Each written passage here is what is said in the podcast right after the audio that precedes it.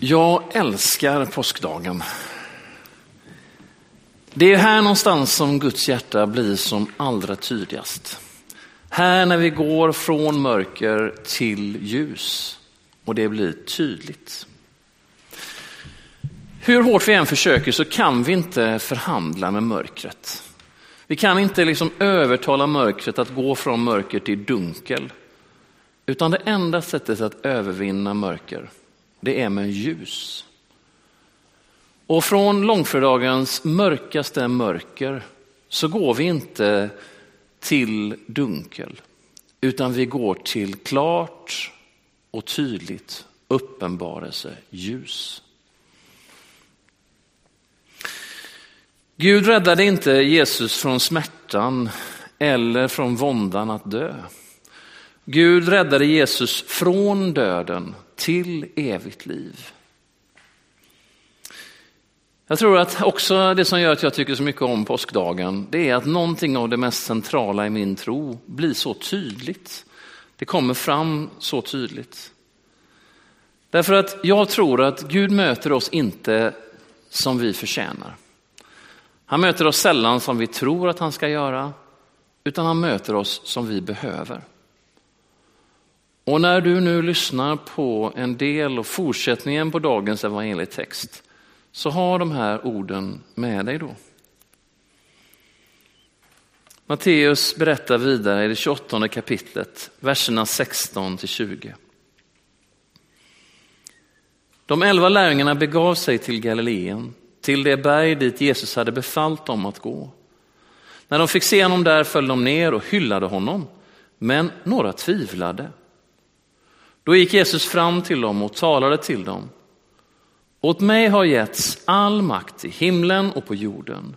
Gå därför ut och gör alla folk till lärjungar. Döp dem i Faderns och Sonens och den heliga Andens namn. Och lär dem att hålla alla de bud jag har gett er. Och jag är med er alla dagar till tidens slut. Det vi ibland bara passerar förbi eller inte tar på så stort allvar, det är ju att lärjungarna hade misslyckats. De som hade lovat Jesus att aldrig överge honom, aldrig någonsin lämna honom, utan alltid finnas där oavsett vad som skulle hända. De hade alla lämnat, de hade alla sprungit sin väg. Flera av dem hade förnekat honom och de hade nu flytt och var rädda.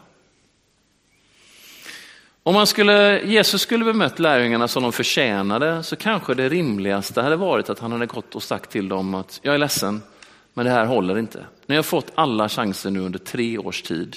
Nu börjar vi om. Jag tar tolv nya med helt andra namn och helt andra upplägg. Och så kör vi från början igen. Det kanske var vad de hade förtjänat. Men det var verkligen inte så Jesus valde att bemöta och möta dem. Jag tror inte heller att han mötte dem som de hade förväntat sig. Kanske hade de hoppats för att få se honom i en dröm. Kanske hade de hoppats att få uppleva hans närhet eller hoppats att de kunde minnas honom tillsammans.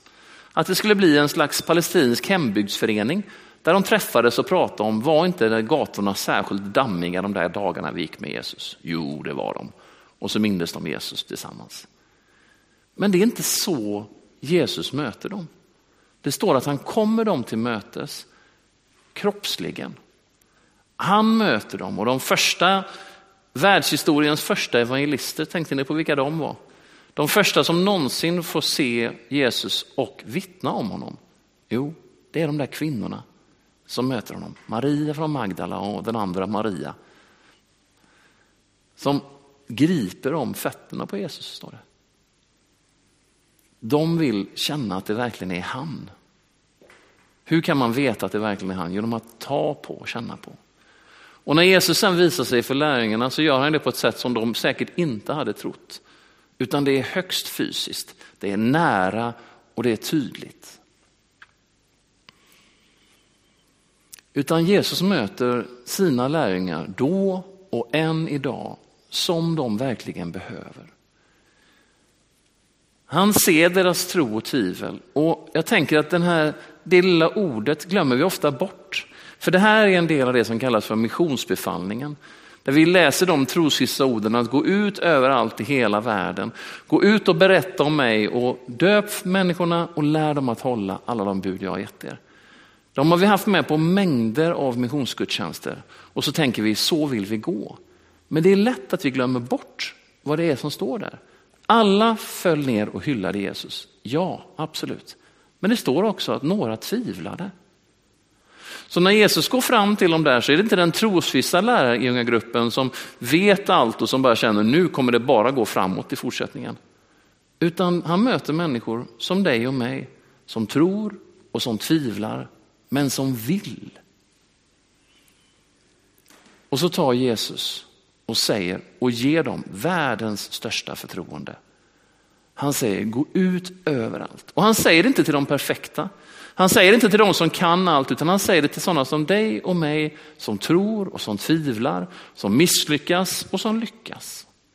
Och så säger han, gå, jag har fått all makt. Det är inte upp till oss, det är inte vår egen kraft det handlar om, utan Jesus har fått all makt. Och nu får ni gå ut i mitt namn. Och så säger han det till dessa lärjungar som jag tror var beredda att kasta in handduken om och om igen.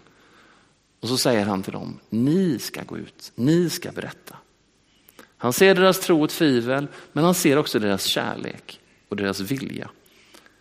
Och så får de också ett löfte. Ett löfte som gäller oss än idag. Och jag är alltid med er till tidens slut. Oavsett vad det är som händer, oavsett om det ibland kan kännas som vi lever i den yttersta tiden, så har Jesus lovat att vi ska inte behöva gå ensamma. Han är med oss till tidens slut.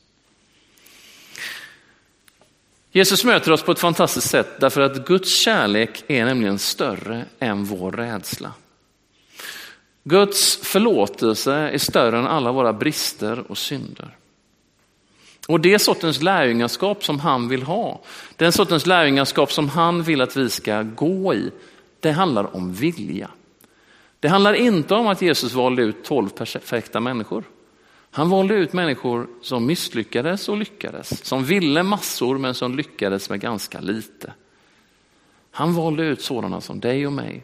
Han såg deras tro, men han såg också deras tvivel och ändå gav han dem världens största förtroende. Och tack vare det så är vi här idag. Tack vare det så väljer du att ta av din lediga tid att titta på den här gudstjänsten, att vara med här. Och tack vare det så kan vi idag på påskdagen se som ett band som sträcker sig över hela jordkloten hur uppståndelsens ljus kommer fram. Därför att de första börjar fira, de som ligger längst bort från oss. När datumgränsen kommer klockan 11 så firar de gudstjänst. Och sen så firar de över en timme till nästa datum, nästa timme börjar och så firar de. Och så firar de och så firar vi påskdag runt hela jorden. Alla klockan 11 i vår egen tid, men runt och fyller hela jorden med uppståndelsens ljus. I takt med att solen går upp och träffar jorden och vi får vara med om detta idag, oavsett var du är någonstans. Jag tänker också på att vi har ett val i detta. Lärjungarna valde ju faktiskt att följa Jesus, att försöka igen, att komma över sina egna misslyckanden, att inte låta sig definieras av det, utan att faktiskt gå ett steg till, att fortsätta och gå ut och berätta. Även om det kostade flera av dem löden. Det var priset de fick betala, flera av dem. Men jag tänker också på soldaterna. Vi passerar ju dem ofta och när ni hörde Peter läsa om det så står det om att de kommer ganska rädda, för de blev rädda. De såg ju någonting som inte lärjungarna såg. De såg ju en ängel och de såg stenen rulla undan. De blev förskräckta, de blev rädda. Men deras rädsla ledde till någonting annat. De gick till sina chefer och så sa de det som kanske en mellanchef ska göra. Det här har vi varit med om, vad gör vi nu? Och så bestämde översteprästen och dem och sa att säg inte detta till någon. Ta emot de här pengarna och så fick de pengar istället. Tänk om de hade valt att berätta. Tänk om soldaterna hade varit de första som gick ut och berättade om Jesus. De som inte har någonting med det här att göra från början menar att de har satt det här på order. Tänk om de hade sprungit ut och berättat. Det kanske hade varit tusentals fler som hade kommit till tro på Jesus redan där och då. Men de valde att låta rädslan tala och teg. De höll det för sig själva, tjänade lite pengar på det, men valde att tiga. Lärjungarna, fastän de hade misslyckats, både en och två och tre gånger, tog Jesu ord på allvar och berättade om det. Tog deras kärlek till Jesus i konkreta konsekvenser. Vad är det som blir viktigare i dödens närhet? Jag tror för de där lärjungarna var det att de fortfarande hade varandra. De sökte sig till gemenskapen, de sökte sig till varandra. För de kunde inte stå ut ensamma. Vad är det som har blivit viktigare för dig nu under den här coronans tidevarv? Där många saker som vi förut har längtat efter och skulle vilja inte längre är möjliga. Därför att det skulle innebära fara för andra. Vad är det som du längtar efter mest just nu? Vad är det som har blivit viktigare och större för dig under den här tiden? Jag har, kan villigt erkänna att jag har ett stort intresse som stavas fotboll. Och jag brukar ibland tänka att av alla oviktiga saker så är faktiskt fotbollen den absolut viktigaste. Men jag märker för mig själv att hela det där intresset har liksom bara försvunnit och har bara pausats på något sätt. Det jag saknar mest av allt, det är liksom att få fira gudstjänst tillsammans med alla er i en fullsatt kyrka där vi sjunger från tårna. Jag längtar efter att få träffa många av mina vänner igen på ett annat sätt. Jag längtar efter släktkalas där alla generationer kan med, vara med, för det är så naturligt och så gott. Det är så härligt att få mötas alla generationer och nu när vi inte längre kan det så märker jag inom mig hur mycket jag saknar det. Vissa saker blir tydligare för oss. Och hade någon sagt för mig för två månader sedan hur världen skulle se ut nu så hade jag aldrig trott på dem.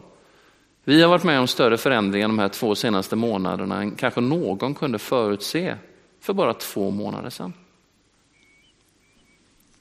Och när vi hoppas och ber och jobbar för att det här nu ska återgå till det vanliga som många säger, eller till det normala, så önskar jag att det istället skulle kunna få bli till något ännu bättre. Jag tror många saker har tappat sin betydelse under den här tiden. Och det kanske ska vara så. Medan annat har blivit ännu viktigare för oss och det ska vi inte tulla på. Din längtan efter gemenskap som du känner idag, den är någonting gott. Den har du fått som en gåva från Gud. Vi får använda andra uttryck för det just nu, men vi längtar efter att ses öga mot öga, efter att få ta på varandras fötter eller händer, efter att få känna gemenskapen. För det är så vi är skapade. Känner du igen dig i lärjungarna? Det undrar jag. Känner du igen dig i lärjungarna denna påskdag? Kan du också känna den här tron och tvivlet? Kan du känna glädjen men rädslan?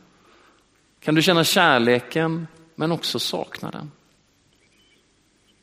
Tänk då på att lärjungarna hade det viktigaste. De hade en vilja och en längtan och den satte de till Jesus.